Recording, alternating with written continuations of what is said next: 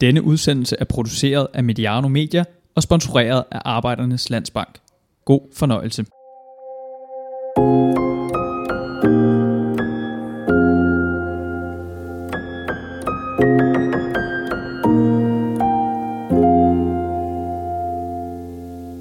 Han er Brøndbys mest vindende træner nogensinde.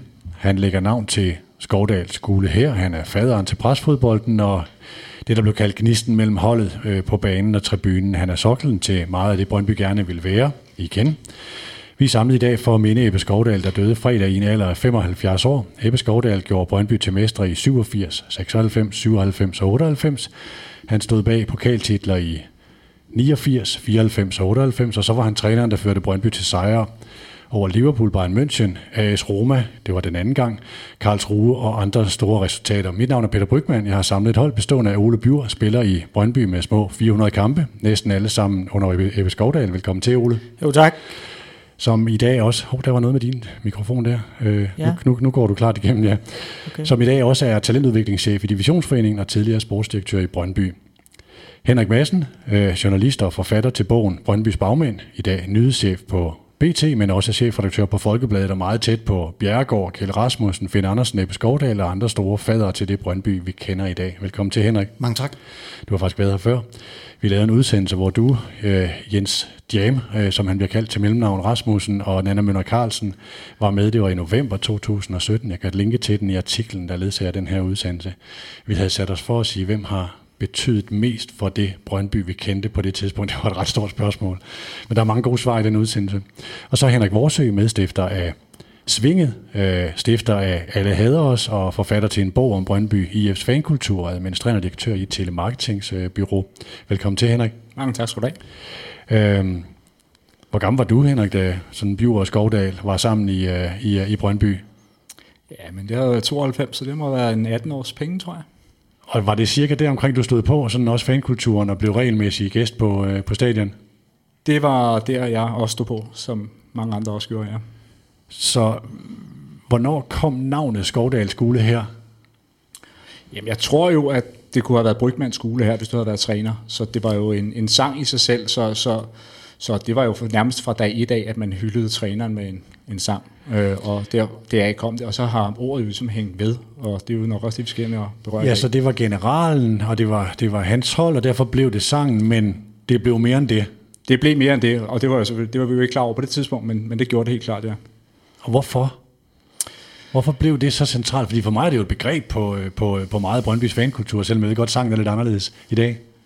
Jamen altså, jeg tror egentlig først, jeg har set det i, hvad kan man sige, i, i bagspejlet, hvorfor det blev så stort. Øhm, og det tror jeg egentlig, at Ebbe Skovdal overtager efter en, man vil godt sige, en meget turbulent tid. Der har været UEFA Cup semifinale mod Roma. Der har været øh, Interbank. Der har været Morten Olsen, mm. altså nok det største trænerkapacitet, man kunne få på det tidspunkt. Ryger i 92, for, øh, foråret 92. Og så kommer han ind øh, og tager over. Og med nogle andre midler, nogle andre, øh, øh, hvad kan man sige, han, han skal ind og bygge et hold, efter der har været klublegender som Schmeichel, og vi kan bare blive ved, Laudrupperne mm. øh, og så videre. Og det lykkes. Altså 10 år senere, eller 9 år senere, 7 år senere, altså til 99, jamen, der får han bare bygget noget op, som man tænker, og det tænker jeg egentlig først hen i nullerne, eller efter han har forladt skuden, og tænker, wow, det var alligevel sindssygt. Tror du det der, øh, hvis det bare havde været, han var der jo to omgange før det her, Ja. øh, hvis det bare havde været ren optur, at det havde været på samme måde, som det var efter nedturen, efter Interbank, at han var med til at bygge det, som Ole også var med til. Tror du, det er en forstærkende effekt i det? Ja, det tror jeg helt sikkert. Ja, Helt sikkert. tror jeg passer godt. Det her er en mellemting mellem Mediano Superliga og Mediano Legends, og udsendelsen er præsenteret i samarbejde med vores hovedpartner på Superligaen, Arbejdernes Landsbank. Øhm, Henrik, jeg kunne godt tænke mig lige at høre sådan... øh, nej, jeg vil godt lige springe ind på det her med, med den der historie fra øh, opturene. Fordi Skovdal var der jo to gange i 80'erne. Øh, og så var der hele det der Morten Olsen, øh, Interbank, halløj og fuldtidsprofessionalisme på fuld skrald og langt foran de andre klubber til den periode, hvor jeg tror, Per Bjergård selv beskrev det som, jeg krøb langs panelerne og følte, jeg havde ødelagt alt derude. Og så var Skovdal den der tømrer, tømrer der, var, der var med ind og bygge det op. Altså, hvor meget betød det? I tror i, i 90'erne? Altså i, altså i forhold til den status, han har? Ja, den har jo, det kan jo nok ikke, det kan jo nok ikke overvurderes, fordi den periode var jo alt andet lige, øh, resultatmæssigt i hvert fald, øh, det største. For os, der var med tidligere, tror jeg faktisk, at, øh, at det hele starter, ja i virkeligheden, for mig i hvert fald, helt tilbage i, i 73. Øh, fordi på det tidspunkt også, der havde fulgt med i både Sjællandsserien og Danmarksserien, vi tænkte, der kunne vi godt blive liggende relativt længe, hvis ikke der skete et eller andet. Ikke? Og da han kommer med sin svoger der, der kan jeg huske, at det var ikke, vi var ikke så mange. Så, og når du siger svoger, så er det Finn Laudrup. Ja, ja. Så, så der, der, kunne man virkelig, virkelig, virkelig mærke, at der skete noget. Og der, og der, gik ikke, der gik ikke lang tid, før man kunne mærke, at det var en speciel person, der var kommet ind i klubben på det tidspunkt. Det er klart, Finn tog det meste opmærksomhed, det siger sig selv. Jamen, han hvem, så, hvem kom med hvem? Jamen altså, Finn var der. Jeg ved ikke, i hvilken rækkefølge Per reelt lavede aftalen. Jeg kunne have mistænkt for at have spillet dem lidt ud mod hinanden eller med hinanden, men officielt mener jeg, at Finn kom først, og så støtte øh, EBT med Freddy Lorentzen, tror jeg. Men, men, men hvad der foregik bag kulisserne der, ved jeg Jeg ved bare, at der gik det fra at være en, sådan, skal man sige, en serie optur, noget der var spændende. Noget, Men det, det vi snakker om her, det er, det er Ebbe Skovdal som spiller? Ja, der, der, der, der starter Og Finn Laudrup som, som træner? Ja, ja. ja. Finn Laudrup senere som, som spillende træner. Ikke? Men dengang kunne man bare mærke, at det der, det var ikke normalt. Selvfølgelig ikke, ikke med Finn, men specielt ikke med alt det, der skete omkring ham. Og, og, man, og man kunne tydeligt mærke, at, at Ebbe var, var noget helt specielt på det tidspunkt. Det, det, var, det, det, var, det, var, det var ret, det var, det var meget, meget, meget stort. På det tidspunkt kan jeg huske, vi snakkede om, det kan sgu godt være, at vi kan nå de divisioner alligevel.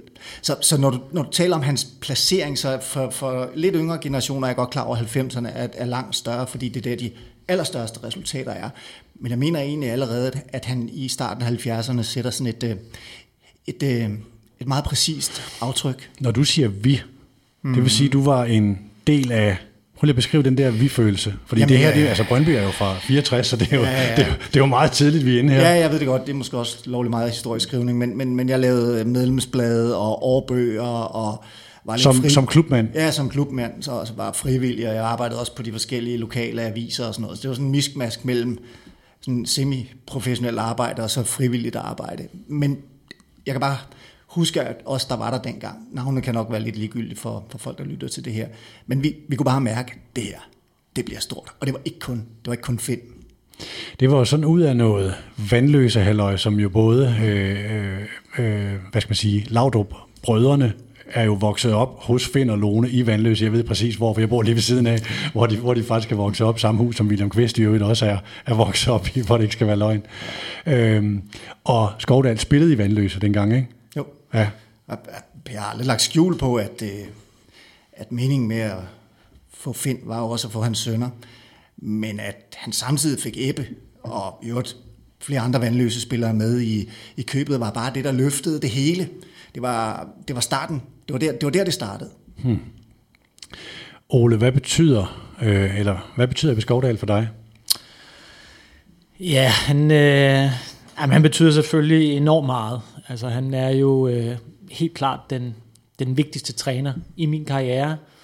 Han øh, var om nogen med til at, hvad skal man sige, også at sikre, at jeg, øh, hvad skal man sige, har den status, jeg har i Brøndby, som, øh, som jeg trods alt har i dag. Øh, og øh, har givet mig, har været med til at give mig øh, fantastisk mange oplevelser i virkeligheden. Altså jeg har, jeg har været på en rejse, kan man sige, sammen med Ebbe, for jeg var der jo, jeg var kommet året lidt, lidt mindre end et år før, at Ebbe han kom tilbage i 92. Du kom også fra Vandløse. Og jeg kom også fra Vandløse, ja, så, så, så der er selvfølgelig øh, et eller andet, øh, øh, hvad skal man sige, øh, fællesskab der, men, øh, men så var jeg der jo i hele den periode frem til 99, hvor Ebbe han så... Kom du i 91?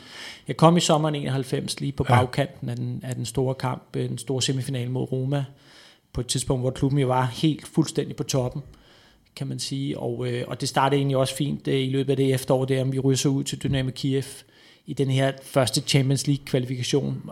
Meget uheldigt faktisk. Øh, sådan en meget dramatisk kamp, øh, returkamp på Brøndby Stadion, efter at have spillet 1-1 nede i Kiev. Øh, det var helt åndssvagt. Og så kommer foråret, som bliver svært for os. Vi kommer ikke rigtig i gang, og så er det så Morten, han ender med at blive fyret, og Interbank-skandalen, den ruller. Øh, og så kommer Ebbe jo ind, og derfra, jamen, så er det lige pludselig en helt anden verden ude i Brøndby. Vi er ganske få spillere. Vi er nogle unge spillere også. Øh, jeg selv er sådan, ikke helt ung, men dog stadigvæk øh, ny og ung. Og det var ligesom det, der var. Altså, der var ikke, altså var sådan set ikke råd til at gå ud og købe en masse nye spillere, så vi var dem, vi var. Og, øh, og derfra så gik øh, Ebbe jo så i gang med at bygge det hold, som så op igennem 90'erne ligesom blev dominerende. Jeg kan godt tænke mig lige at spørge de to Henrikker, om hvilket årti der var det vigtigste i Brøndbys historie. Jeg starter hos dig, Vores ej, jeg skal vel sige, at det er 80'erne trods alt. Der rykker vi jo igennem og, og begynder at manifestere os. Så, så, så alt det, der bliver bygget i 90'erne, er måske, øh, hvad kan man sige, selvopfattelse version 2, øh, hvor man kan sige, de store stjerner i historien, af aspekt Ole, øh, de, de var der i 80'erne. De skabte en eller anden selvopfattelse i, i, i Brøndby, som man kunne være bange for at blive mistet i det sekund, at Interbank og øh, ruller, og Morten bliver fyret osv., men det er den, jeg synes, at Ebbe Skovder egentlig har været garant for at, at bygge op igennem 90'erne, men 80'erne må være fundamentet for alt, trods alt. Madsen? Hmm. Altså man kunne, at det er jo svært at komme udenom 90'erne, men jeg tager altså alligevel 70'erne, fordi det er der, det, det er der, det bliver skabt. Det er der fundamentet for alting lægges herunder professionel fodbold og så videre, så videre, så videre. Så, så uden, uden de 70'ere, uden det, uden det sammenhold, der var på det tidspunkt der, så var der ikke noget at bygge på. Så jeg, jeg, jeg ved godt, det er enormt nostalgisk og romantisk, men jeg, jeg, jeg, jeg, jeg kan ikke sige andet. Prøv lige at lade os tage det der med spilleren Ebbe Skovdal. Øhm, fordi han han spillede jo i Brøndby, og så blev han øh, træner for, var det tredje holdet, og så gik han ud og fik en trænerkarriere i Glostrup og Brøndshøj, rykkede Brøndshøj op i første division, som var der til en Superliga et sted mere, inden han kom til Brøndby på et tidspunkt. Hvorfor tillægger du det så stor betydning, at han var spiller i Brøndby? Ikke nødvendigvis, at han var spiller som individ betragtet, men fordi han kom det år, hvor klubben øh, blev mere end et godt seriehold. Det blev et reelt bud på et divisionshold. Og der var han bare i de år der en rigtig, rigtig vigtig mand nede bagved. Nu, der er nok, håber jeg, nogen, der har større indsigt i, hvordan han egentlig var som fodboldspiller. Jeg tror, han var ikke nogen stjerne på den måde. Han spillede nogenlunde lidt, ved jeg tro, lidt ligesom han er træner, og som han er person. Ikke? Altså bare bundsolid, øh, endda også øh, som anfører, og allerede dengang, altså vanvittigt vældigt øh, overalt i klubben, øh, uanset hvor han kom frem. Så sådan utrolig tro mod sin person. Øh, tror ikke, han har ændret sig synderligt gennem årene. Jeg vil godt tænke mig lige at øh, gå ind på det fodboldmæssige og det taktiske. Øh, altså i forhold til den her presfodbold, som jo er blevet sådan så definerende for Brøndby og så central for Brøndby. Øh, Ole, hvis jeg lige tager dig som den, der har været på banen under Ebbe Skovdal, hvor meget af den her presfodbold opfundet af Ebbe Skovdal? Det, der er rigtig meget af det, der er opfundet af Ebbe selv. Øh, jeg, jeg mindes ikke, at, at, at jeg har hørt, at Ebbe han har lånt noget fra nogle andre danske trænere. Det er klart, at han har haft en inspiration. Selvfølgelig er der kommet nogle impulser fra, fra udlandet, men allerede da han var i Brøndshøj, der skete der jo vanvittigt mange spændende ting med Brøndshøj. Brøndshøj blev jo lige pludselig et hold, som nu spiller jeg jo selv i Vandløs, kan man sige. Og Brøndshøj havde aldrig været noget, før end at det lige pludselig blev et rigtig sjovt og interessant hold at se. Og det var jo Ebbe, der bragte dem, og det, de var blandt andet sjove og interessante, fordi de spillede Det var vel med Kent Nielsen på holdet, var det ikke det? Jo, det var det også. Der var rigtig mange dygtige spillere på det hold, men det var rigtig mange af de spillere, som Ebbe også var med til at opfinde, kan man sige. Øh, men de spillede noget underholdende, de spillede noget offensivt, de spillede også noget, sådan noget, noget, noget aggressivt fodbold af en eller anden art. Så jeg tror i virkeligheden bare, at det har ligget, altså det har ligesom ligget i ham, og så har han taget det med sig videre. Da så han kommer ud til Brøndby og lige pludselig får, altså selvfølgelig også et spillermateriale, som, som kan nogle helt andre ting. Han får øh, lige, lige pludselig også fuldtidsprofessionelle spillere at arbejde med.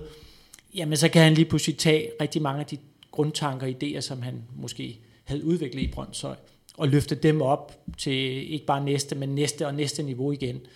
Og, øh, og da det så er, at vi kommer til, frem til 90'erne, nu kan jeg jo så sige, at 90'erne var det vigtigste årti, ikke? så har vi haft alle tre.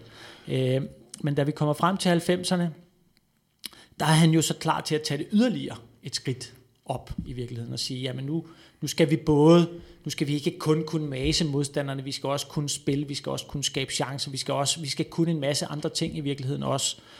Og, øh, og på den måde, der udviklede Ebbe så også hele tiden, men, men han kom med en meget, meget klar model for, hvordan presfodbold det skulle spilles. Og, og, og jeg kan lige selvfølgelig huske, at vi sad øh, i, inde i taktikrummet, og så begyndte han ellers bare at tegne øh, streger op på tavlen og, og markere de her zoner, fordi altså presfodbolden var jo bundet meget op på et zoneforsvar, som jo, og, en, og, en, og en form for zonefodbold, som man jo ikke nødvendigvis dyrkede så meget i 80'erne. I 80'erne, der var det jo meget, altså bare tage vores eget 86 øh, landshold, det var jo meget en mandsopdækning. Altså havde man en, en 3-5-2 ofte, med en, med en libero eller en, libero, en sweeper, og, så, og, så, og så to markeringsspillere i virkeligheden. Ja. Ikke? Så det her med lige pludselig at ligge med en flad firekæde, og også ligge med en flad firekæde på midtbanen, altså en flad forsvarskæde, en flad midtbanekæde, og så begynde at arbejde i zonerne, det var en helt, det var en helt anden tilgang til fodbolden. I, i øh, hvilket omfang? Altså nu arbejder du jo med, med uh, spillets udvikling og trænernes udvikling, og hvilke impulser tager man ind og så videre. Der ligger en teknisk rapport herover som uh, i de her udgivet i divisionsforeningen til alle trænerne og så videre. Hvor meget tog man dengang impulser udefra ind? Ja, men igen, godt spørgsmål. Øhm, altså, der er ingen tvivl om, at altså, vi ved, at Ebbe, han, han, har, han var inspireret også fra Liverpool, men jeg tror rigtig meget, altså Liverpools omgang med bolden og deres måde at bevæge sig på, også uden bold og så videre, fordi Liverpool tilbage i 80'erne var jo ikke en, en, en, en sindssyg, vanvittig eksponent for sådan aggressiv presfodbold på den måde, men de havde deres zoneforsvar, de havde deres, deres måde ligesom at, hvad skal man sige, at dække banen af på, og så meget det her, hvad skal man sige, det her flow i spillet, som Ebbe var, var vild med. Men, men noget af det, der jo skete i 80'erne, kom måske en lille smule senere, men har været på vej allerede dernede i Italien med Saki, som jo tog Milan til et helt nyt niveau i forhold til presfodbolden. Der er ingen tvivl om, at, at, at Ebbe også har været inspireret af det, fordi jeg kan genkende, altså jeg kan genkende enormt mange ting af den måde, Milan spillede på, også i forhold til, I den måde, I gjorde det. til måden, vi spillede på, ja. Øh, vi lavede en udsendelse om øh, 96-sæsonen med øh, Måns Krogs øh, hovedstødsmål, hvor Ebbe Skovdal medvirker. Der siger han, jamen, jeg, jeg havde jo kigget på Liverpool, og det, må, det går ud fra, det må være på tv i sådan en gammel ja. tipsfodbold, ikke? Ja. Øh, og så sad jeg og tegnede mønstre, ja. øh, i, altså næsten, man kan forestille sig det der, Ricardo skal, du sidder i kælderen ja. med lapperne og siger, ja. hvem skal være hvor. Det er jo, det er jo jeg ved ikke, hvor, altså jeg går ud fra, at mange trænere har søgt inspiration, det har de vel altid gjort, øh, men, men det er jo ret sjovt at høre, hvordan det var så direkte en inspiration for noget, der endte med at blive en del af hans kulmination også. Ja, ja men, men, men og det er jo sjovt, fordi når man taler med folk, øh, altså andre spillere, som, som også har haft Ebbe, øh, jamen der er mange, der har været igennem den skole et eller andet sted, og sige, den måde at se spillet på, og den her måde med ligesom at tegne banen ind i zoner, og så har man sin primære ansvarsområde, sin sekundære ansvarsområde, og man støder op, og man flytter op og så videre. Det, og det er bare enormt, altså det er bare en helt anden måde at se presfodbolden, tror jeg. Jeg tror, der er rigtig mange, at, øh, rigtig mange af nutidens trænere, som kunne lære utrolig meget af Ebbe i forhold til, hvordan presfodbold skal spilles, når det er, at det virkelig skal fungere. Altså den kompromisløshed, der skal ind, at den, den tilstand, man skal være i som hold, hele vejen rundt, for at det der, det kan lykkes. Men hvis man først er der, så har man så til gengæld også en spillestil, som er helt vild. Hvordan var den der træning? Var det meget stop-and-go-træning, eller var det meget også, at han involverede jer i, i uh, eksekveringen af den? Jamen, altså det han jo gjorde, da det var, han kom tilbage i 92, der spillede vi jo 3-5-2 efter Morten ligesom havde været der, og, øh, og det fortsatte vi så med at gøre året ud, kan man sige. Øh, fordi han ligesom også mm. vurderede, at vi var ikke helt klar til det. Han synes måske også, at der manglede lidt på typerne og så videre. Øh, men, øh, men så efter, et, efter en periode, så ligesom om at sige, jamen det er det, vi skal, det er den vej, vi skal, øh, det er det, hvad jeg vil. Og, øh, og så kom vi så i skole, om jeg så må sige, og så mm. lærte vi ligesom grundprincipperne, og så blev det så eksekveret i træningskampe og til træning. Og så blev det jo noget, som, hvad skal man sige, blev dyrket i enhver situation, i virkeligheden meget moderne, altså det her med, at man spiller konceptuelt, tager det ind i alle træningsøvelser et eller andet sted. Øh, og derfor så blev det ligesom stille og roligt noget, som vi alle sammen vi fik ind og lægge på rygmarven. Det var noget, vi alle sammen, vi var godt klar over, at det, det, det, det blev en tilstand. Det blev bare sådan, vi spillede. Og øh, så på den måde, så kan du godt sige, ja, det blev eksekveret, altså kompromilløst. Men hvor meget var I som spiller involveret i, øh, i hvordan man, hvad skal man sige, justerede den og øh, formede den undervejs? Ja, jamen altså, det, det, er det er jo klart, at det er jo sådan en, en, en løbende udvikling, hvor man hele tiden lærer. Altså det er jo meget den der feedback, der selvfølgelig også kommer både individuelt og kollektivt, at vi ligesom hele tiden bliver klogere på at sige, jamen hvad er det, der går galt, når det er, at vi går op i pres, og vi så lige pludselig bliver overspillet? Hvad er det, hvem er det, der svigter her? Altså, at vi, som han ofte sagde, Ebbe, så, så er vi ikke stærkere end det svageste led i kæden. Altså, fordi vi er, hvis vi skal det her, så er vi nødt til alle sammen at være altså fuldstændig alene og fuldstændig kompromilløse i det, vi gør. Og hvis der er en, der tøver, jamen så kan det være nok til, at der er ni mand, der bliver overspillet et eller andet mm. sted. Så det var rigtig meget, altså det var rigtig meget på at skabe, ja, som jeg siger, den der tilstand af, at vi hele tiden var i det der ekstremt aggressive, ekstremt offensive mode, alle sammen et eller andet sted. Og det kan jeg jo godt se nogle gange, når jeg ser hold i dag, at det er der rigtig mange hold, som gerne vil spille presfodbold, men som slet ikke er der. Madsen, øh, som den, hvad siger, den ældste i panelet. Det. Okay, men det her med, nu øh, forklarer Ole også, hvordan der blev drejet et ekstra gear på det i 90'erne. Hvordan så den tidlige Skovdal ud i forhold til at, altså det her med indførelsen af presfodbolden og øh, vægtningen af det? Jamen, jeg tror nemlig, det er helt rigtigt, det der med at fintune. Jeg tror, det er rigtigt, hvad Ole siger, at det bliver, det bliver det, som vel i virkeligheden var arven fra Tom Kølert, bliver jo i den grad for, forfinet mange år senere. Men jeg vil bare sige, at allerede da Ebbe kommer der i 5-86 efter mesterskabet, der, der overtager han jo en, en trup og en klub, men i hvert fald en trup, som i den grad er gearet til den form for fodbold. Jeg forestiller mig, at han har tænkt, det her, det er lige til højre benet. Og det er uden at tage noget som helst fra ham. Men jeg kan bare huske, hvad mange Brøndby folk kan huske bedre end det meste. Det er kampen mod Håndved i øh, september, tror jeg det er, øh, 86. Der så det er vi noget første fod- europæiske. Ja, ja. Øh, hvor de vinder 4-1 mm. og bliver 2-2 ude. Men, men, men der, der så vi en form for fodbold, ingen af os rigtig havde set før. Vi var super nervøse for den kamp. Vi vidste godt, det ikke var Real Madrid, men de havde alligevel deres historie, og jeg var også med i dagene op til, altså hele klubben dirrede af nervøsitet, men, men til synligheden ikke spillerne, for kampen er, jeg tror de andre kommer foran faktisk, men, de, men, men den er 10-15 minutter gammel, da vi står og kigger på og tænker, det her, det er godt nok vildt. De blev simpelthen kværnet ned. Altså den aften glemmer jeg aldrig. Og det prøver bare at sige, Ebbe har overtaget noget øh, på det tidspunkt, som, som allerede var i gang. Og hvem havde skabt det? Undskyld, jeg bliver lige hos Henrik. Øh, ja, skal jeg passe på at gå for lang tid tilbage, men, men, men Tom har jo en øh, meget, meget, meget stor andel i det, der, i det, der var skabt på det tidspunkt. På det tidspunkt havde man jo allerede en, nærmest noget, der hed en spillestil i klubben. Altså det, som man har kæmpet med de sidste 10-15 år. Altså hvad kommer du op til som ung spiller? Jamen du er kommet op til ingenting. Øhm, allerede dengang havde man jo, jeg ved ikke om det var sådan nedskrevne planer, men man spillede nogenlunde på samme måde. Øh, og derfor fostrede man jo også øh, spillere som øh, Faxe, for eksempel. Ja. Ikke? Så Tom havde jo en enorm stor aktie i det der. Men, men, men Tom var jo også en del af et team, og Tom havde også nogle forgængere, som jo på mange stræk lignede Ebbe lidt. Øh, så der var sådan en eller anden uudtalt øh, enighed om, hvordan det her det skulle være. Og, og jeg kan bare huske, at den der onsdag aften, må det have været, der, der tænkte jeg bare, det her, det kan altså godt nok blive godt. Mm. Jamen, det er jo den der udvikling, der sker, hvor jeg er fuldstændig enig. Jeg kan også huske Brøndby i starten af 80'erne, også da Michael er helt ung og sådan noget, at, altså Michael Laudrup, at de spiller bare offensiv fodbold, ikke? Altså, det er altid sjovt, når det er, man ser et klip fra Brøndby Stadion. Der er altid gang i den et eller andet sted, så, så Tom har haft en kæmpe betydning. Ebbe kommer ud, og bygger videre. Men det var stadig sådan i 80'erne, at der var rigtig mange kampe i første division, som det hed på det tidspunkt, som man vandt også meget på fysikken. Altså, man, man, man var simpelthen bare fysisk stærkere, man var fuldtidsprofessionel, man kunne skrue kampen op i et tempo, og så lige pludselig så faldt modstanderne bare sammen.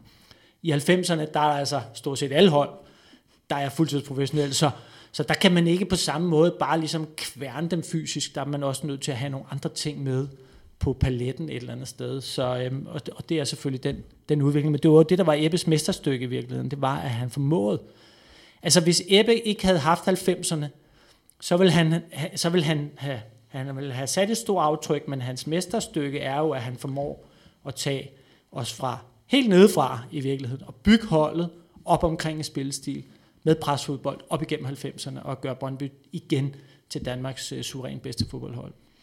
Henrik Vorsø, jeg har lige hørt Ole Bjur i, øh, i en glimrende udsendelse af udgave af Brøndby Lyd fortælle om øh, øh, min største kamp, at du havde valgt øh, Anfield øh, øh, kamp der, men der beskriver du også, hvordan pludselig var der bare 3-4.000 tilskuere, uanset hvor vi spillede, og der kom flere og flere til, og det blev det der meget, meget hastigt voksende til det, vi kender i dag som, nu skal jeg passe på med at bruge ordet Danmarks øh, bedste fan, fankultur, det kan være virkelig en minefelt. Det er i hvert fald det, man selv kalder det i, i, øh, i Brøndby. Henrik, hvordan oplevede du den der attraktivitet i det? Hvorfor kom du, og hvorfor var det stedet at være? Jeg tror egentlig, jeg reagerede, og som mange andre øh, i 92 på det modsatte, at, at vi egentlig kom på grund af, af modgangen, og som en trods. Og så er jo også nogle faciliteter, som blev bygget omkring 92. Så da man ligesom knækker nakken, så tror jeg, der er en masse, der siger, at det skal fandme være løgn. Øh, Når på bagkant af Interbank og alle ja, de her ting. præcis, af Morten Olsen, og, og det, det der for, forsømte, eller fordømte forår øh, 92, ikke? Jamen er det sådan noget, man kan spejle sig i? Altså sådan at sige en, en på trods, og at, at der er sådan noget særligt dansk i det her, i forhold til at være øh, undervurderet og, øh, og arbejde sig op fra det udgangspunkt. Og sådan, øh, altså det, det er der ofte danskere præsterer bedst. Jamen det, det synes jeg jo, og så kan man sige, som Ole også siger, jamen der bliver bygget, øh, eller der, der kommer et nyt fundament af unge spillere, og de skal bare have den hjælp, som man nu engang kan give dem. Øhm, og, og det tror jeg egentlig, at, at bare ligesom den, og så kan man sige, at FCK bliver bygget, eller fusionerer, og, og bliver til, øh, øh, eller B3 KB fusionerer, og bliver ligesom, stiller sig lidt op på pedestalen og siger, her er vi, og så er der nogen, der siger, nej, det skal fandme ikke være sådan. Men det, der egentlig slår mig i forhold til øh, Ebbes bedrifter, og selvfølgelig også Ole og, og Companies bedrifter, det er jo, at når jeg kigger tilbage på de 90'er, det er egentlig først i 94, vi vinder et trofæ, der vinder vi pokalfinalen mod Næstved. Men vi har mødt hold som Arsenal, Dortmund, Liverpool, Manchester United, Karlsruhe, Tenerife, Bayern, Lyon, Kiev. Der er ikke én kamp, hvor jeg som fan har gået ind og sagt, det er sgu okay, hvis vi tager den her. Og det tror jeg, det var ligesom den der, jeg tænkte, det er sgu lidt vildt. Han har, han har fået bygget et hold, hvor man tænker, vi var faktisk skuffet, når vi tabte til Barcelona blandt andet, og, og, og kid you not. Øhm, nå ja, men jeg forstår godt, at vi Henrik øh, rystede lidt på hovedet, men, men jeg forstår godt, at vi ikke forventede, at vi ville vinde, men det var sådan lidt, ah, og vi, vi taber til, til Kiev med Rebrov og, og, og Shevchenko, øh, hvor man tænker 4-2 hjemme, og tænker, nej, hvad fanden kan vi tage til Kiev? Men det var ligesom det, som han har fået bygget op, Skovdal, den der igen. Hvem, hvem var, altså Ole, du siger også i den der udsendelse, jamen, nej, vi, jeg byttede ikke trøje med nogen. Altså, det var ikke, vi var ikke benovet at skulle rundt og tage billeder. Vi skulle vinde, eller vi skulle have et resultat. Ja. Den ånd, nu kan du, jeg ved godt, den ikke kan tilføres eller henføres på en person, men hvor kom den der determination og agerighed fra? Ej, men det, det, du, du kan ikke komme uden om Ebbe der. Altså, det, det kan du ikke, men det er klart, at, at, at der, der ligger der også, der ligger nogle værdier også i klubben, der ligger også en kultur, trods alt, på nogle af de spillere, der stadig var tilbage. Vi havde stadig, helt tidligt havde vi stadig Bjarne Jensen, vi havde stadig en Henrik Jensen og så videre. Altså, så, så nogle af de her kulturbærer, Kim, Kim Vilford også og så videre, de er også med til at bære noget kultur øh, videre. Men det er klart, at, at det er jo Ebbe, der, hvad skal man sige, der, der, der pumper energi ind i det der system et eller andet sted. Det er ham, der giver os også en tro på, at det her, det kan vi godt løse et eller andet sted. Og det er ham, der sætter os op, det er ham, der sætter holdet. Så, øh, så by the end of the day, så er det klart, så, så har han jo været med til at flytte, hvad skal man sige, også flytte Brøndbys selvforståelse, både tilbage i 80'erne, men også, også i 90'erne. Jeg kan huske, at jeg lavede en snak med Kim Vilfort på et tidspunkt. Han fortalte om de der lørdagstræninger inden kampe, når I spillede håndboldmål. Ja, ja. At øh, det må have været Skovdal, der nogle gange måtte stoppe jer, ja. for at I skulle være hele til kampen om søndagen, fordi ja. der, var så stor, der var så stor tænding på. Ja, der, der, var en, der var jo bare en helt vild vindermentalitet på det hold. Ikke? Altså, og Det lyder som Bjarne Jensen, det der. Ja, Bjarne, Bjarne han gik forrest, vil jeg sige. Øh, men der var rigtig mange. Og, og, og så bliver det jo et eller andet sted noget, man også selv, og lige pludselig er det en selv, der går forrest på det. Øh, men der var den der kultur her, der, der, var, der var bare ikke nogen, der ville tabe. Heller ikke til træning. Altså, det var, Hvordan det var havde du det i det miljø? Ja, men det, det havde jeg sådan set fint med, fordi jeg har jo også altid selv været sådan lidt, at, at, at jeg har også været sådan lidt skør i forhold til det der med at tabe og så videre. Øhm, så, øhm, så jeg faldt relativt hurtigt ind i det der. Jeg kunne sagtens sætte mig ind i det. Det var ikke noget, der skræmte mig på nogen måder. Men, men det er stadigvæk noget, du skal lære et eller andet sted. Og derfor så tager det noget tid, men, men så på et eller andet tidspunkt, så er den der også. Spørgsmål til begge Henrik. Jeg kan godt tænke mig at tage det, sådan det helt store perspektiv på i forhold til Vestegnen og identitet, og hvor, vi- hvilken rolle Brøndby og Skovdal kom til at spille i, i den, jeg ved ikke om det, altså jeg gør det for stort, men den her helt særlige identitetsskaber, som fodboldholdet var for Vestegnen, som en opposition til hovedstaden. Så jeg tror, Henrik har garanteret mere forstand på, hvad der er sket de sidste 10-20 år, end jeg har. Det er jeg sikker på, at han har. Men jeg vil bare gerne, når du spørger til fankultur, så vil jeg dele et minde fra, øh, fra marts 87, øh, hvor vi møder Porto. Og øh, det foregår i Idrætsparken. Og Idrætsparken var sådan set øh, landsholdets hjemmebane. Og øh, KP var ikke øh, noget specielt på det tidspunkt. Øh, og jeg kan bare huske den aften, øh, fordi jeg kiggede rundt, og så tænkte jeg, 29.000 tilskuere, de holdt alle sammen med Brøndby. Altså det var ligesom at være inde til en landskamp. Det var jo ikke fankultur på den måde. Øh, det var bare der, at jeg personligt første gang så, hvor massiv opbakningen var til det kul, som havde vundet i 85 og havde fået Ebbe i 86, og som nu var på vej ud til noget, som vi troede blev endnu større. Øh, ja, det kan være, at du kan tage over herfra, Henrik. Nej, jeg var til, til samme kamp i øvrigt. Det var den første. Nej, det passer ikke. Den første kamp, det var i 83. Men hvad tænker du, vores sø, om det her med identitetsskaberen for Vestegnen? Jeg ved ikke, om man kan sige, at Ebbe er, er, er den, der har skabt den. Det er han tydeligvis ikke, når Henrik han fortæller alle, alle anekdoterne her, at, øh, at han er det. Men man kan sige, jeg tror, at, at øh, jeg ved ikke rigtig, hvad jeg skal svare til det. Jeg synes, han... Faxe, han, han, Faxe har, har et berømt citat, der hedder, at øh, vi, vi kan tabe, men vi kan aldrig besejres. Og det er sådan spoken words, hvor man kan sige, det synes jeg egentlig har været, det Ebbe har gjort, det er, at han egentlig har været den udførende på den. Så han egentlig sørget for, at, at, at det, som Faxe siger, jamen, det har han bevist. Øh, og det har jo selvfølgelig, så kan man sige, jeg ved ikke, hvordan vi, vi man kobler den tilbage til Vestegn. Jeg tror selvfølgelig igen, fankulturen 92 der fart som en trods, øh, en, en, en trods i forhold til Interbank, en trods i forhold til, til hvad hedder det, fyring af Morten Olsen og nedgang, en sportslig nedtur, men selvfølgelig også hele øh, det her med, at der kommer nogen ind fra København og mener, at de, er, de skal være de nye øh, kalifer. Og på den måde har, er der jo bygget noget selv, eller ja, er der noget, er der noget selvforståelse, som skal blive, som, som man siger, ej, vi, har, vi, vi var kongerne i 80'erne, det vil vi stadig være. Men den var vel fin, den der, altså FCK's tilkomst, i forhold til at netop være i opposition, at være de, de, de andre, og dem, der et eller andet sted er rebellerne. Det tror jeg, du er fuldstændig ret i. Og man kan sige, jeg, jeg ynder jo lidt at, at, at håne dem, jeg kan, øh, kender, der holder med FCK, og sige, at I blev bare bygget som en, en opposition til os. Men modsat skal jeg heller ikke være blank at sige, eller skal jeg også være blank at erkende, at øh, jamen, det tror jeg har været godt for både dem og os. Og det har styrket os vildt meget. Jeg husker stadig den første kamp i parken, øh, Derby, ah, okay, der var en, der var en midtugekamp øh, i pokalturneringen, men den første ligakamp 0-0, 14.000 øh, til stede i parken, og jeg vil gætte på, at 10.000 af dem var Brøndby-fans. Ikke? Øh, og det var sådan bare, det synes jeg var den første manifestation, hvor man siger, okay, altså vi er. Hmm. Det er os. Der er også det der Skovdal-citat, som man kunne se på tribunen lørdag aften, da de mødte Midtjylland. Der hænger der den der med, jeg holder med, nu kan jeg ikke huske det præcise citat, jeg holder med to hold, Brøndby eller hvem øh, FCK nu møder. Øh, det, er jo, det er jo det Skovdal-citat, ikke? Det er rigtigt, ja. Jo, jo. Jeg prøver at være lidt mere præcis. Altså, øh, jeg vokset op med Per Bjergaard øh, på vis skrivebord, der øh, altid stod et billede af Alex Friedman.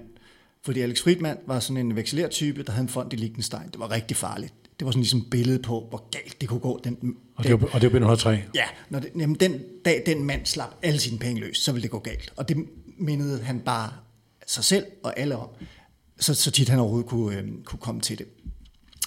Men, men, men, men, men, så der er det der element af, af, af, af, af dem også. Men jeg prøver bare at sige, at han, han, lægger, altså han, han minder faktisk utrolig meget om, om ja, selv klubbens allerførste træner, som også var sådan lidt øh, jernmandagtig. Typemæssigt minder han virkelig meget om den række af trænere, måske på nær Jørgen Vedmose, øh, ja, så, så, så han, han, han kommer så til at, i en tid, som er, alting er større, det går bedre, eksponeringen er kæmpe stor, så, så han er jo i høj, høj grad med til hvad kalder du det, og identitetsskabe, altså i meget, meget høj grad. Øh, Hammer Tom? Var han selv det? Nu ved jeg ikke, hvor meget sådan, øh, øh, geografien så ud, og hvor Ebbe Skovdal er opvokset ud over det her med vandløse, men altså i forhold til at sige, øh, at gå ind i den der identitet og øh, det her, Ja, det kan godt være, at altså, jeg forstår det her, og det her det er ikke kun fordi, det kan kønnes op på Ebbe Skovdal, men altså Vestegn versus hovedstad, som sådan en, en, øh, en, en, øh, Altså, jeg, der er ikke gæt værd fra min side, men altså, han, han kommer jo fra Vandløse, og har, har siden boede han ikke i Greve. Altså, han er jo ikke vokset op nede ved Horsa. Øh, men hans person passede bare perfekt mm. ind i fortællingen. Både den måde, ja, både den måde, han var på, altså skruet sammen på, den måde, han spillede fodbold på, den måde, han taklede omgivelser på, altså altid rolig, sjov, meget imødekommende, høj som lav. Altså en øh, grundelskelig person, siger jeg, uden at have spillet under ham. ja, ja, nå, men, nå, men du har jo ret. Altså, Jeppe var jo ikke sådan, altså, var ikke akademiker, vel? Altså, var ikke sådan, hvad skal man sige, øh, der blev ikke lagt fingre imellem, tingene blev sagt, øh, og jeg tror, der er rigtig mange, øh, også på Vestegn, som kunne identificere sig med, med ham som person, men, men jeg tror, hans, igen, hans, hans vigtigste bedrift i forhold til det at skabe identitet på Vestegnen, det har jo været at give Brøndby det, det, det spillemæssige udtryk. Altså den spillemæssige identitet, det er jo Ebbe, der har givet Brøndby det.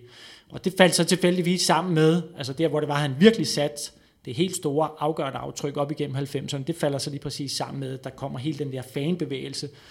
Og så kommer der den der symbiose, som jeg jo har oplevet øh, på nærmeste hold, imellem klub og spillere og træner og fans et eller andet sted. Ikke? At, at alle kan se sig selv i det, der foregår nede på banen et eller andet sted. Ikke? Alle er stolte over det, der foregår nede på banen, også selvom vi ikke, fordi vi spillede, det var ikke alle kampe, vi vandt, selvom vi synes jeg i hvert fald, måske også et par af de, de, de tidlige år, det i 90'erne måske i virkeligheden stadigvæk var det bedste hold, jamen så var vi bare ikke klar til at gå en hel sæson et eller andet sted. Men vi var stadig et fodboldhold, som jeg tror rigtig mange var stolte af, og glædede sig til at komme ud og se, fordi de vidste, at nu skulle de ud og se noget, noget sjov og offensiv og aggressiv fodbold, og der var altid lidt drama på, og, og så videre. Alt det der, jamen det er jo identitetsskabende et eller andet mm. sted for hele egnen. Det har det jo været. Det har man jo også tidligere set. Bare lige en sidste kommentar på det. Altså jeg husker en tifo, jeg så her for et par år siden, som, som måske er en af de sådan bedste brøndby tifos der nogensinde har været. Noget helt enkelt, og det eneste, der stod, det var i virkeligheden bare, at der stod bare ingen hvide flag på Vestegnen. Altså så bliver det jo ikke mere, altså mere skåret ud et eller andet sted i virkeligheden. Ikke? Og jeg ved heller ikke, om man kan sige, at det var Skovdals fortjeneste alene, men, men det er rigtigt, ja, altså de, de der 93-94, inden vi faktisk begynder at vinde nogle mesterskaber, der er en eller anden, altså en helt unik stemning, som jeg aldrig har oplevet siden, og forventning på, på, på stadion. En time før kampen. Folk kom en time før kampen, stillede sig på Faxe, sydsiden, og sang. Og så var man bare på i to timer, og man kunne næsten mærke et mesterskab komme på den her tid af året, det kunne man så ikke lige i 94, men det kom så i 95, 96, der var sådan en forventningens glæde, som, som selv ja, i, i årene efter øh, Skovdal, var det ikke den hvor man tænkte, ah, okay, det her det, det bliver mega godt, men der var noget mere, der gjorde, at man, man glædede sig helt vanvittigt til at komme på stadion. Kan du prøve at skære den op i, hvor, hvor meget var et tilhør, jeg hører til her i den her kultur? Hvor meget var en spillemæssig forventning? Hvor meget var sådan underholdningen i det? Jamen, jeg tror, at Ole han rammer den rigtigt. Det er den der symbiose, som, hvor alle, alle ting passer bare sammen. Der var altså alle, øh, ja, alle gjorde, spillede hinanden gode, kan man sige. Ikke? Ja. Så det var, det, altså, det var, man, man, man, man sidrede, og det, det har jeg aldrig, det er også, at jeg har bare været ung. Og, Fordi man og var på vej. Mig, men det var helt, det var den der sådan, nu altså, stadion. værende på vej som en vogn, der ikke kan stoppes? Jamen, følte i hvert fald, at, at det her, det, det er bare en, øh, en, ja, en, en sejrs, uh, sejrsrejse. Ikke? Det, det, var sådan et tog, der blev sat i gang. Altså, vi kunne også mærke det som spiller. Ikke? Lige pludselig så kom vi ud, og så sad der lige pludselig 10.000. Ikke? Ugen efter, sad der 12.000. Ikke? Så sad der lige pludselig så der bare 14-15.000 på det der stadion, hvor der kunne være 18.000. Altså, det var bare helt normalt lige pludselig, når vi kom ud og spillede sommerkampe over i en serie 5-klub i det mørkeste Jylland men så stod der 4.000 mennesker, skulle, altså det var, og vi var ikke Danmarksmester, vel? Det var, vi var bare Brøndby et eller andet sted, men det var sådan en bevægelse, der bare rullede et eller andet sted, ikke? og vi kunne mærke det som spillere, det var fantastisk. Hvor meget kom af de europæiske meritter, altså i forhold til, at nu kom cirkus til byen, eller hvor meget? Altså... Jo, men, det, men det, er jo, det er jo klart, og der har, det er jo fuldstændig rigtigt, som Henrik også siger, at det, det er jo også et fundament, som er blevet bygget op over en lang årrække. Altså, der er nogle meritter i 80'erne, som har læret sig et eller andet sted. Og lige pludselig så bliver Brøndby bare den der klub, hvor det er, man måske lige kan forvente, man kan godt have nogle forventninger til, at det her det bliver sjovt, det bliver spændende, det vil jeg gerne være en del af et eller andet sted. Så, øhm, og så som sagt, jamen, så, lige så, så, så rullede toget et eller andet sted, og heldigvis kan man sige, øh, også fodboldmæssigt, jamen så voksede vi også i takt med, at hele den her fanbevægelse, den øh, bare blev større og større. Altså.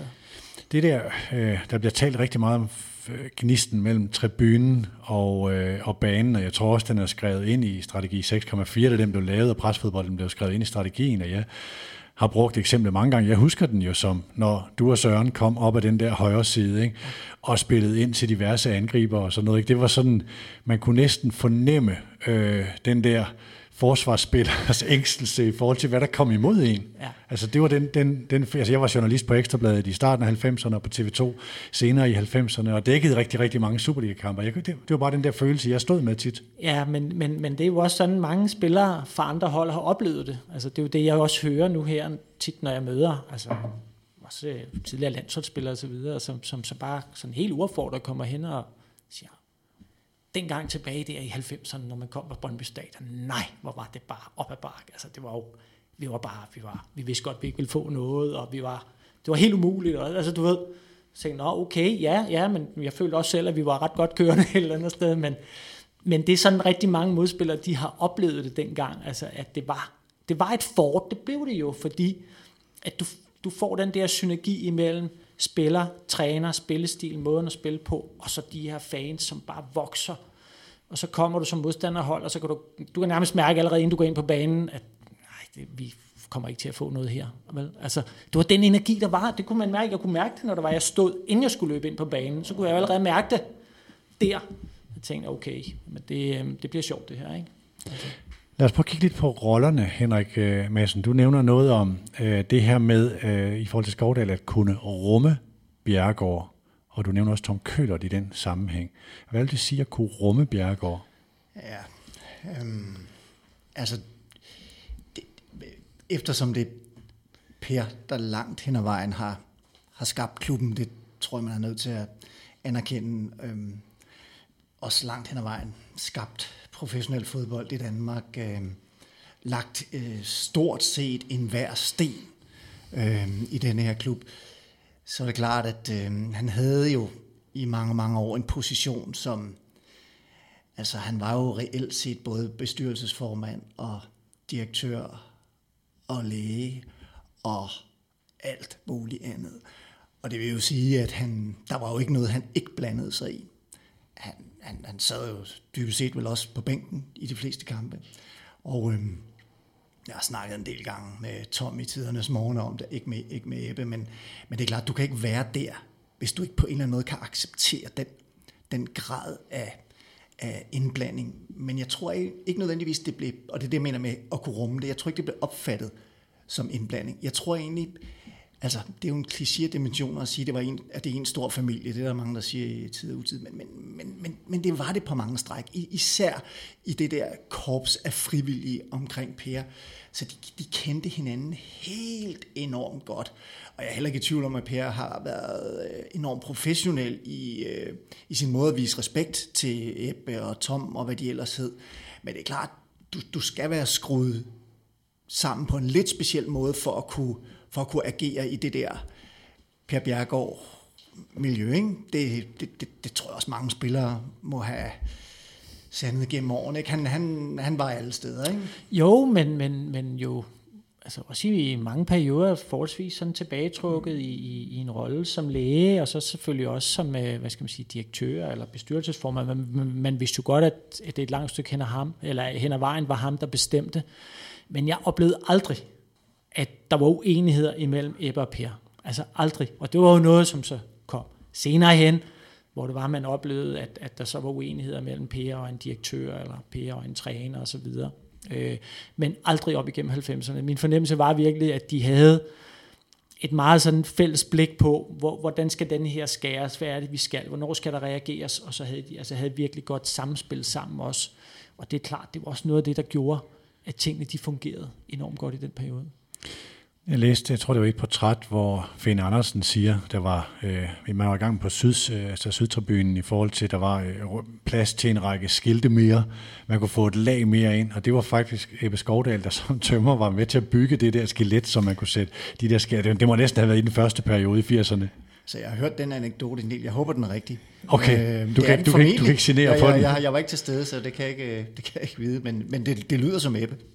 Men det her med hans, prøv lige at sige lidt mere om hans personlighed i forhold til, nu hører man meget det her med tømmeren og den håndværksmæssige uddannelse, så vi kan alle sammen se smøgerne for os, altså der var lige, man skulle lige falde ned efter en kamp og få sig, en, øh, få sig et godt væs der, ikke? Altså, hvad, hvad, hvad var han ellers for en type person? Ja, man skal ikke øh, tage fejl. Altså, det er rigtigt nok, at, at du ved, tømmer og sådan, kunne godt sige tingene, som de var, men han kunne også være raffineret, og han var jo, altså fodboldmæssigt var han jo en taktisk begavelse i virkeligheden, og, og sådan meget avanceret i sin måde at se spillet på. Øh, så, så ja, ja, det kan godt være, at han sådan, sådan var uddannet håndværker, men fodboldmæssigt var han i høj grad både håndværker og akademiker også. Øh, og så havde han selvfølgelig en, en evne, kan man sige, til at få det bedste frem i sine spillere. Altså ligesom lige dosere tingene rigtigt. Øh, både lidt pisk og lidt gulderod øh, på de rigtige tidspunkter osv. Så, videre. så, øh, så han, altså, jeg, jeg synes, han havde, altså, på trænersiden havde han enormt mange kvaliteter, men, men jo også som menneske, der er jeg altså, fuldstændig enig. Altså jo sådan en, en, en varm øh, person, som man godt vil øh, gå en ekstra meter for. Må jeg spørge om noget, Peter? Hvad, hans, øh, hans trænerevner, hvor kom de egentlig fra? Altså, han havde vel ikke nogen sådan formel uddannelse, vel? Nej, ja, du ved, nej, ja, fordi dengang, der tror jeg ikke, at træneruddannet, der har nok været noget fra, fra DBU's øh, side, men det har sikkert været begrænset, så han har jo været autodidakt, mm. altså et langt stykke hen ad vejen, øh, og, øh, og det, det er han jo så kommet øh, rigtig langt på, og så sidenhen, så er det klart, så han været nødt til at tage de nødvendige licenser øh, undervejs. Ikke? Jeg kan godt øh, om, omkring Europa, som jo har betydet rigtig, rigtig meget for, øh, for, øh, for Brøndbys historie, og øh, de her kampe, der ligger i den her periode, det er jo, øh, der er en 93 kamp, hvor man spiller 1-1 mod øh, Borussia Dortmund med, med Chapuisat på holdet, øh, men 95 har vi 1-0-kampen over Liverpool på Anfield med Dan Eggen. Der er også en 95-kamp, hvor I vinder øh, øh, 2-1 over Roma. Ole Bjur scorer i det 77. 20. minut. Peter Møller scorer, scorer tidligere. Det er en anden end den der famøse Rudi Føllerkamp, er kan rigtigt, sige. Ikke? Øh, så er der en 96-kamp, det er 5-0 over Karlsruhe efter at have tabt 3-1 hjemme, og så er der 98 i Champions League, 2-1 over Bayern München. Det er altså sejre over nogle af dem, der i dag er, er, er favoritter til Champions League. Vi optager her en øh, tirsdag eftermiddag, inden der er Champions League i aften. Hvor meget har Europa betydet for, for Brøndby, øh, Brøndbys historie? Henrik, du er inde på det der med håndved fra, fra helt tilbage fra starten. Ja, altså det er jo, øh, det er jo øh, det er vel et spørgsmål om fortællingen. Fortællingen er jo, at, øh, at Brøndby, både Brøndbys udgave i 80'erne og 90'erne er, er sådan øh, i virkeligheden øh, datidens landshold. Ikke? Det er sådan et hold, alle kan holde med, og når man spiller sommerkampe, så kan folk øh, på Fyn og Jylland, de kan i virkeligheden gå ud og se landsholdet. Øhm, så, og det kommer jo af resultaterne i Europa, går ud fra, og i mindre grad øh, de mange mesterskaber derhjemme. Det er jo på det tidspunkt, du skal huske, altså, øh, der var jo ikke nær det udbud af hverken tv-kanaler eller fodboldkampe. Det var jo, det var jo små landskampe, man, man kunne sidde og se derop. Jeg ved ikke, hvordan det er ude i stuerne, men jeg synes, at effekten har jo været, at, at folk øh, hænger ved fra den gang. Og for mig er, er, er, er det, der blev skabt i virkeligheden med, ved sommerkampene, og de resultater, der bliver opnået i øh, internationalt, er på mange måder det, der gør, at klubben hænger nogenlunde sammen i dag, rent fanmæssigt. Fordi det, der er foregået de sidste 10-15 år, har jo ikke rigtig kunne generere noget, så det er, jo, det er jo historien, man rider videre på, og der er det jo bare, ja, det tankevækkende, øhm, at, at man skal så langt tilbage for at forstå, hvad det er, der fungerer i Brøndby nu. Men det var nok et andet spørgsmål, jeg ikke på. det, der slår mig, det er jo, øh, du siger det der med Danmarks landshold, og der, man har talt meget om Brøndby, hvorfor har de haft og har så mange landsdækkende fans, eller det var i hvert fald nogen, man fik rigtig meget i den her periode. B103 slog Bayern München 6-2, OB slog Real Madrid 3-2, men det blev jo ikke til Danmarks landshold i samme grad som Brøndby. Er det sådan den kontinuerlige øh, præstation hen over år, eller hvad er det, der gør, at Brøndby har den her, eller fik den her status? Ja, Jeg siger det- ikke, de har den i dag, men den er i høj grad med i historien. Nej, men der, der, der er helt sikkert noget kontinuitet i det, men jeg tror, at, at når man snakker Europa, så kan man jo ikke, altså må man ikke undervurdere betydningen af de første, altså håndved 4-1, hey, ho, hvad skete der lige der? Et brag af en kamp, kæmpe resultat, ikke? og man kommer videre, ikke? så var der Frankfurt 5-0. Eintracht Frankfurt, ja. Selvfølgelig, altså der, der har ligesom været de der chokresultater et eller andet sted, øh, og så kom Liverpool selvfølgelig så lidt senere, men jo stadig på bagkant af nogle, nogle kampe mod, vi havde også Arsenal, hvor vi var tæt på at gå videre, og vi havde Dortmund selvfølgelig, hvor vi også med det held var gået videre, du ved, så det lå hele tiden lige og ulmede, så alle ting, altså, det, det, kan, det kan godt ske, det er ikke utænkeligt, de kan ikke overslå Liverpool, og så gjorde vi det med sanden et eller andet sted, så, så den der kontinuitet, tror jeg er utrolig vigtig, og så altså på spiller- og trænersiden, jamen så var det bare Altså det blev jo gjort til en del af klubbens DNA i slutningen af 80'erne, fordi man gik ud og lavede gode resultater europæisk. Så da jeg kommer til klubben og skal spille mine første europæiske kampe, jamen så er det bare, det er bare noget særligt. Der er en helt særlig atmosfære omkring det der, vi skal ud og spille nu europæisk. Øh, det bliver fantastisk. Uanset hvem vi møder, så ved vi, at vi kan slå dem. Det, det havde vi en fast tro på. Og så kommer resultaterne og selvtilliden, og så, og så, øh, og så derfra mm. igen så ligesom om, at, at tingene de, de forplanter sig hele vejen ud i fodbold Danmark.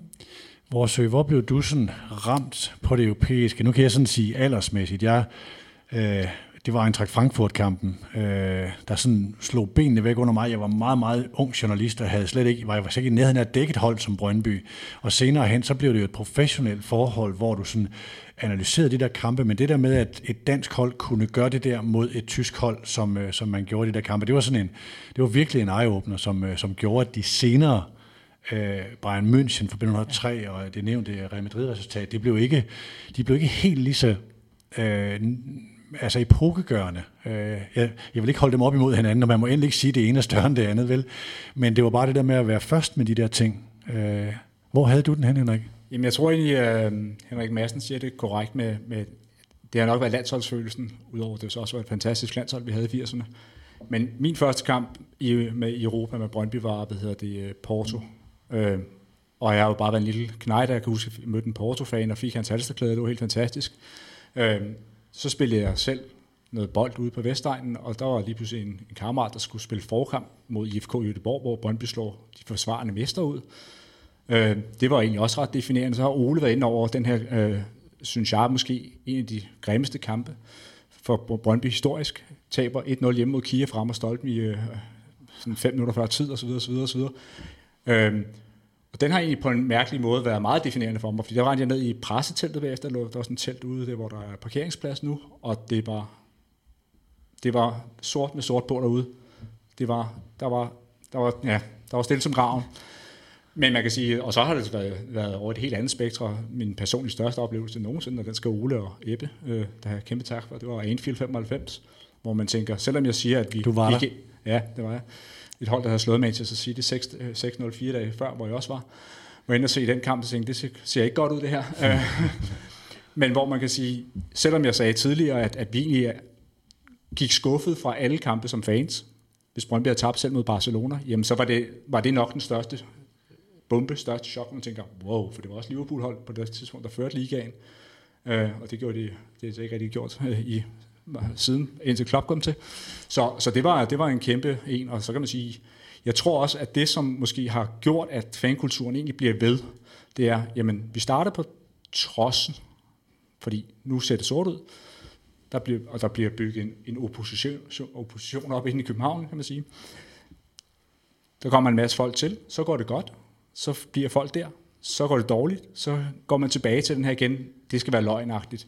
Så det bliver sådan selvforstærkende på en eller anden måde hele tiden, og det føler jeg egentlig stadig, at det, der holder ved mm. øhm, derude på men, men, men jeg tror mm. netop også, det du siger med Eintracht Frankfurt, men det var jo i 90, efteråret 90, Tyskland var lige blevet verdensmester, Frankfurt kom med et fantastisk hold med flere landsholdsspillere, så det der, altså det der altså chok, man kan sige 5-0, det var vanvittigt et eller andet sted. Jeg blev selv også revet fuldstændig med. Øh, og så kommer der så, kunne hjælpe mig, seks år senere kommer der så en ny 5-0'er, bare på udbanen nede i Karlsruhe, altså nærmest et lige så stort chok, hvor man siger, at det kan jo ikke lade sig gøre, altså man kan jo ikke slå nummer 4 eller 5 i Bundesligaen på udebane 5-0. Altså det er jo bare aldrig set før nærmest. Så, så de der kæmpe oplevelser, det, det, er jo, det er jo noget af det, der går ind i hjertet på folk og sætter sig. Altså det kender mm. man jo også fra sig selv. Så, øh, og dem har der været en del af faktisk. Der er noget med Brøndby og tyske hold, den var der også med Bayern München. Den var der faktisk også med her til Berlin. Og Leverkusen i samme, øh, samme også, ja, mange i 90. Ja. Lad mig lige prøve at låne en detalje fra øh, den snak, du har med Nana i Brøndby Lyd. Øh, hjørnesparket på Anfield. Øh, du fortæller, hvordan I altid, du altid sparker ud af skruet hjørnespark. Hvad er det så, der sker? Jamen, øh, jamen det, det er lidt svært at forklare egentlig, men vi havde sådan en, en, en, en rimelig fast kombination, hvor vi sætter nogle screeninger derinde, og så kommer den sådan ud af skruet, og så kan den sådan ligesom komme, typisk den ikke komme på ydersiden af dem, som så sætter screeningerne og får plads til at og så hætte på mål. Øhm, men, men af en eller anden årsag, jeg kan ikke helt forklare hvorfor, så, øh, så, så slår jeg den ikke ud af skruet, men slår den sådan mere følt ind med et halvt enkelt vridspark, sådan, sådan mere kommer svævende ind, så han mere sådan kan møde den i virkeligheden og få, på den måde også få et lidt nemmere hovedstød. Og, øh, og jeg ved ikke, om det var, fordi jeg havde en fornemmelse af, at der var plads til det, eller om det bare var altså bare intuition af en eller anden art, men øh, jeg gør det i hvert fald anderledes. Det var en divine intervention. Det må vi sige. Øhm, lad os prøve at slutte af med sådan nogle... Øhm, jeg, jeg bad jer gøre nogle tanker om sådan en personlig historie om Ebbe Skovdal, og det er ikke fordi, I skal komme med en anekdote. I har brændt rigtig mange af dem af undervejs og sådan noget, men bare lige for at få samlet op i, uden at det her skal være sådan en mindegudstjeneste og noget højstemt og sådan noget, men så bare lige få nogle facetter på, eller nogle, øh, nogle konkreter på. Hvem vil lægge ud? Nå, men altså, Ebbe, han var jo også, øh, udover at han selvfølgelig var bundhammerne seriøs og topprofessionel, så var han jo også øh, god i tredje halvleg. Altså, han kunne godt lide en god fest. Øh, det kan Henrik sikkert også fortælle øh, mere om, du ved. Og, og, øh, men altså altid inden for, altid inden for skiven og så videre, men, men elskede jo at være på dansegulvet sammen med fruen, og, og på den måde med til at sætte, øh, hvad skal man sige, sætte en god stemning øh, efterfølgende. Så det er i hvert fald noget af det, jeg husker. Og så kan jeg også huske, at vi på et tidspunkt får en, en brasiliansk forsvarsspiller op, Brasil de Silva, som jo på det tidspunkt kun kunne snakke portugisisk, og der tror jeg også, vi alle sammen havde en opfattelse af, at, at Ebbe nok godt kunne kommunikere med ham, men det eneste, man hørte, det var sådan bare det her Vamos og Rapido. Det var ligesom de to ord, der kørte hele tiden. Så. Han var jo ikke så længe i Lissabon. Så øh, nej, der er, mange gode, der er mange gode historier, men det var et par af dem. Ja, ja. Henrik, hvad er dine sådan... Øh, øh, nogle af dine historier fra, fra, de, fra de tidlige år, hvor du sådan hæftede dig ved, at ham her kommer til at betyde, eller hvor du kunne se, at han ville, han ville få en betydning, der var mere end bare en træner, der var på, med på en rejse? Øhm, det er ikke sådan en personlig oplevelse som sådan, det er egentlig bare noget, jeg sådan har jagtet øhm, i mange år. Jeg ved ikke, om det stadigvæk er sådan, men var det jo sådan, at det, det eneste, man øh, fik som frivillig i klubben, når året var gået. Det var jo en fest i øh, typisk i Nørregårdshallen eller på Lindelundskolen. Og der sidder så, jeg ved ikke, 500.000 frivillige øh, Brøndby-folk. Men øh, ikke nok med, at, øh, at, at bestyrelsen og, og hvem der ellers øh, var i spidsen for klubben dengang var til stede, så var, så var Ebbe der jo som regel også altid. Og det var bare meget slående, når man sådan kiggede på ham. Altså, du kunne sgu ikke se, altså, han kunne lige så godt være være, være frivillig, som han kunne være, være cheftræner. Han blendede fuldstændig ind, og, og det er derfor, øhm, altså han var bare sådan en meget, øhm, meget sådan ægte person. Altså det øhm, skal nok lade være at tage fat på, hvad jeg mener om de sidste 10-15 år, men han, han havde en ægthed over sig, som jeg synes, vi, øh, vi savner i dag. Han, han, det, var ikke noget, han, det var ikke noget, han legede. Altså han var, han var, han var Brøndby-mand. Han var, han var en del af familien. Øhm, man kan altid se, om mennesker spiller det, eller om de er det. Du skrev, Henrik, noget om, da vi lige skrev sammen eh, her i weekend, op til den her udsendelse, med nogle af de ting, du beskriver der, og så det her med, at hvorfor vi er nogen, der i dag savner klubben. Kan du prøve at sige noget om det?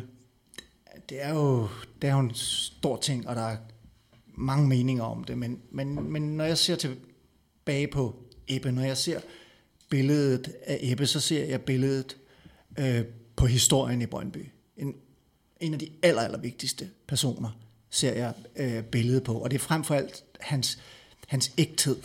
Og for mig er det, er det noget, der er, er gået fløjten, især i, øh, i bestyrelsen de sidste 10-15 år. Sikkert også andre steder i organisationen, hvor jeg godt ved, der bliver arbejdet hårdt osv. Men, men, men, men den ægthed, som var udgangspunktet for det hele dengang, og som Ebbe på en eller anden måde inkarnerede, og som jeg tror, vi vil huske ham for.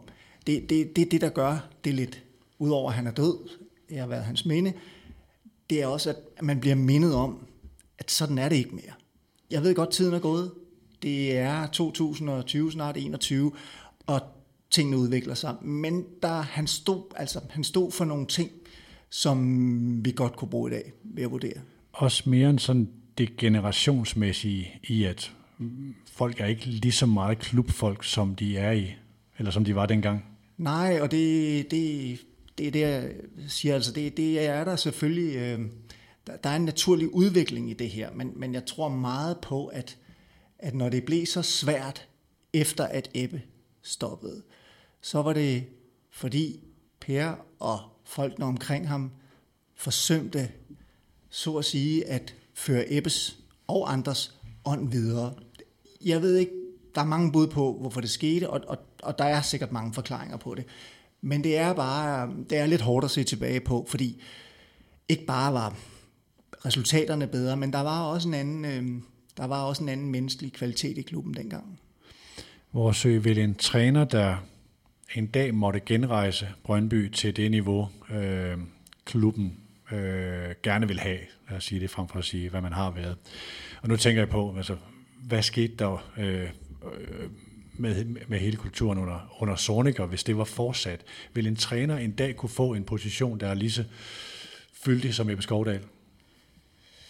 Så skal han være som Ebbe Skovdal, vil jeg sige. Øh, for jeg tror, Henrik rammer fuldstændig i røven. Øh, med at øh, man kan sige, jeg ved ikke, om jeg sådan er nostalgisk anlagt og sagt, jeg tror også, at jeg accepterer, at tingene er noget andet. Og jeg er heller ikke sikker på, at jeg ønsker, at Brøndby skal være som, så indspist, eller så lukket, eller så, så, sådan, som den blev ført frem i, i 80'erne. Men man kan sige, det som Ebbe Skovdøl i hvert fald har stået for, det er, det som du siger, noget ægthed, noget ydmyghed.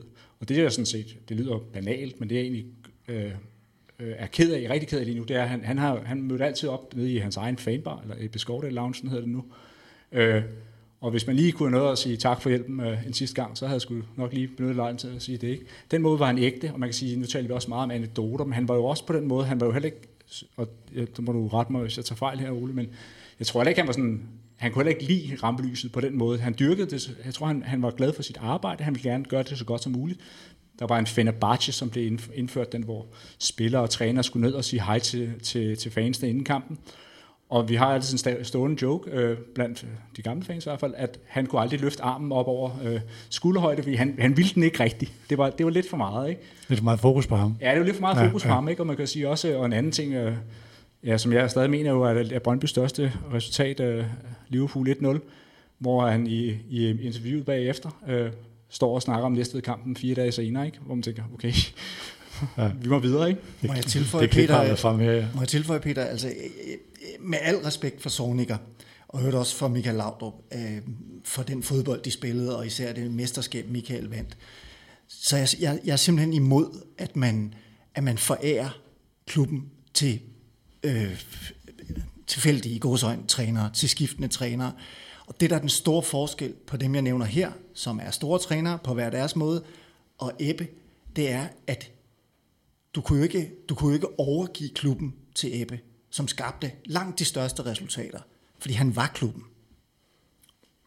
Ja, Ole. Og, ja, nå, men, nå, men det var bare mere i forhold til det her med, om man kunne, om man ligesom, det er umuligt at sige nu, Brøndby er også inde i en, i en spændende udvikling, og har en dygtig træner nu og så videre, så det er jo slet ikke det, men, men altså et eksempel på en, på en træner, som kommer til en klub og ligesom transformerer den tilbage til det, den måske også var engang. Altså det er jo Jürgen Klopp i Liverpool for eksempel, som jo ligesom har evnet at farve altså nærmest fra dag 1, har kunnet fagne hele klubben et eller andet sted. Øh, alt fra høj til lav. Øh, og, øh, og, og, og jeg skal ikke sige, hvordan tingene de udvikler sig ud i Brøndby med det nuværende setup, øh, fordi det kan også tage mange rigtig, rigtig, rigtig spændende veje. Men det er bare for at sige, at, at, at det her med en træner, som er klubben og bliver klubben, det er ikke nødvendigvis noget, som, som vi ikke også kan se i dag, fordi vi har faktisk set det ske i Liverpool et eller andet mm. sted. Og når vi har set det ske i Liverpool, jamen så kan det også ske i Brøndby. Ja, det jeg vil sige, det er også, at fansene, især de aktive, køber jo netop ind på den her romantiske drøm om, om, om klublegenden, som, som som tager holdet frem, og selvfølgelig også gerne på direktionsniveau og bestyrelsesniveau, nogen, der har hjertet det rigtige sted. Ikke? Og det er jeg jo enig i, selvfølgelig kan der godt komme en, en klub, og så lige øh, øh, ja, tage, tage alle med stormen, men, men det, er, det, det, det er jo det, som også, nu taler, har vi snakket en del om, hvorfor fankulturen stadig lever, og hvorfor den øh, på trods af 15 på år. Og det, kunne, det er drømmen om, at sådan en mand en dag tager os videre. Men det er jo det, der er så fascinerende ved Brøndby også. Altså, det er jo netop, altså, altså man kommer ud på stadion, og jeg kan stadigvæk blive overrasket over at komme ud på et tidspunkt, hvor det er, at klubben måske er lidt i knæ, og resultaterne ikke er så gode osv., og så mærke den der, det der fællesskab, der er den der fantastiske intensitet og stemning, der er ude på det stadion. Det er jo helt fuldstændig, altså det er jo unikt, øh, og det kan jeg godt tillade mig at sige, og det, øh, altså, det, det, er, bare, det er bare enestående at opleve, øh, selv så mange år efter, hvor klubben ikke har vundet noget, så har du stadig den der, du har stadig den der trodsfornemmelse, du har stadig den der Drømmen måske. drømmen og, og fællesskabet derude, det betyder noget for folk, det her, ikke også? Ja. Lige nu er det så mest drømmen om at måtte komme på stadion. Og Ja. ja, det, det er rigtigt, ja. Ole, du sidder, din afdeling sidder også med protokollerne til, hvordan øh, man skal afvikle de Jeg her kan kampe. fortælle og dig, sådan at der bliver arbejdet Ja, det ved jeg. stenhammerne hårdt hver dag. Det ved jeg, der bliver arbejdet hårdt på det. Jeg vil begynde at runde af. Øh, Når man dykker ned i det historiske, så kan der laves timer og atter timer, og en dag så kommer vi nok til at lave Superligaens Wikipedia på, øh, på lyd, og det her var jo også tilbage fra før Superligaens tid også. Øh, vi dedikerer den her udsendelse til en af de helt store trænere. Han var træner, ja, i en særlig periode af Brøndbys historie, men han var et vigtigt tandhjul i at skabe den, som jeg også synes, vi har fået belyst her. For mig vil han altid være Brøndbys fankultur, og altid være, eller for mig vil den fankultur altid være Skovdals skole her. Jeg ved ikke, om, om, om, om det er ok, Det Henrik. kan vi godt acceptere. Jeg siger det sådan. Jeg vil sige tusind tak til mit panel for at sætte nuancer og farver på historien og minderne. Tak til Henrik Vorsø. Så tak. Tak til Ole Bjur. Selv tak. Tak til Henrik Madsen. Tak. Tak til vores partner, Arbejdernes Landsbank. Tak til dig, der har lyttet. Det her er en udsendelse fra Mediano Magasinet. Der er masser af den slags stof herinde. Vi er Mediano. Vi høres ved.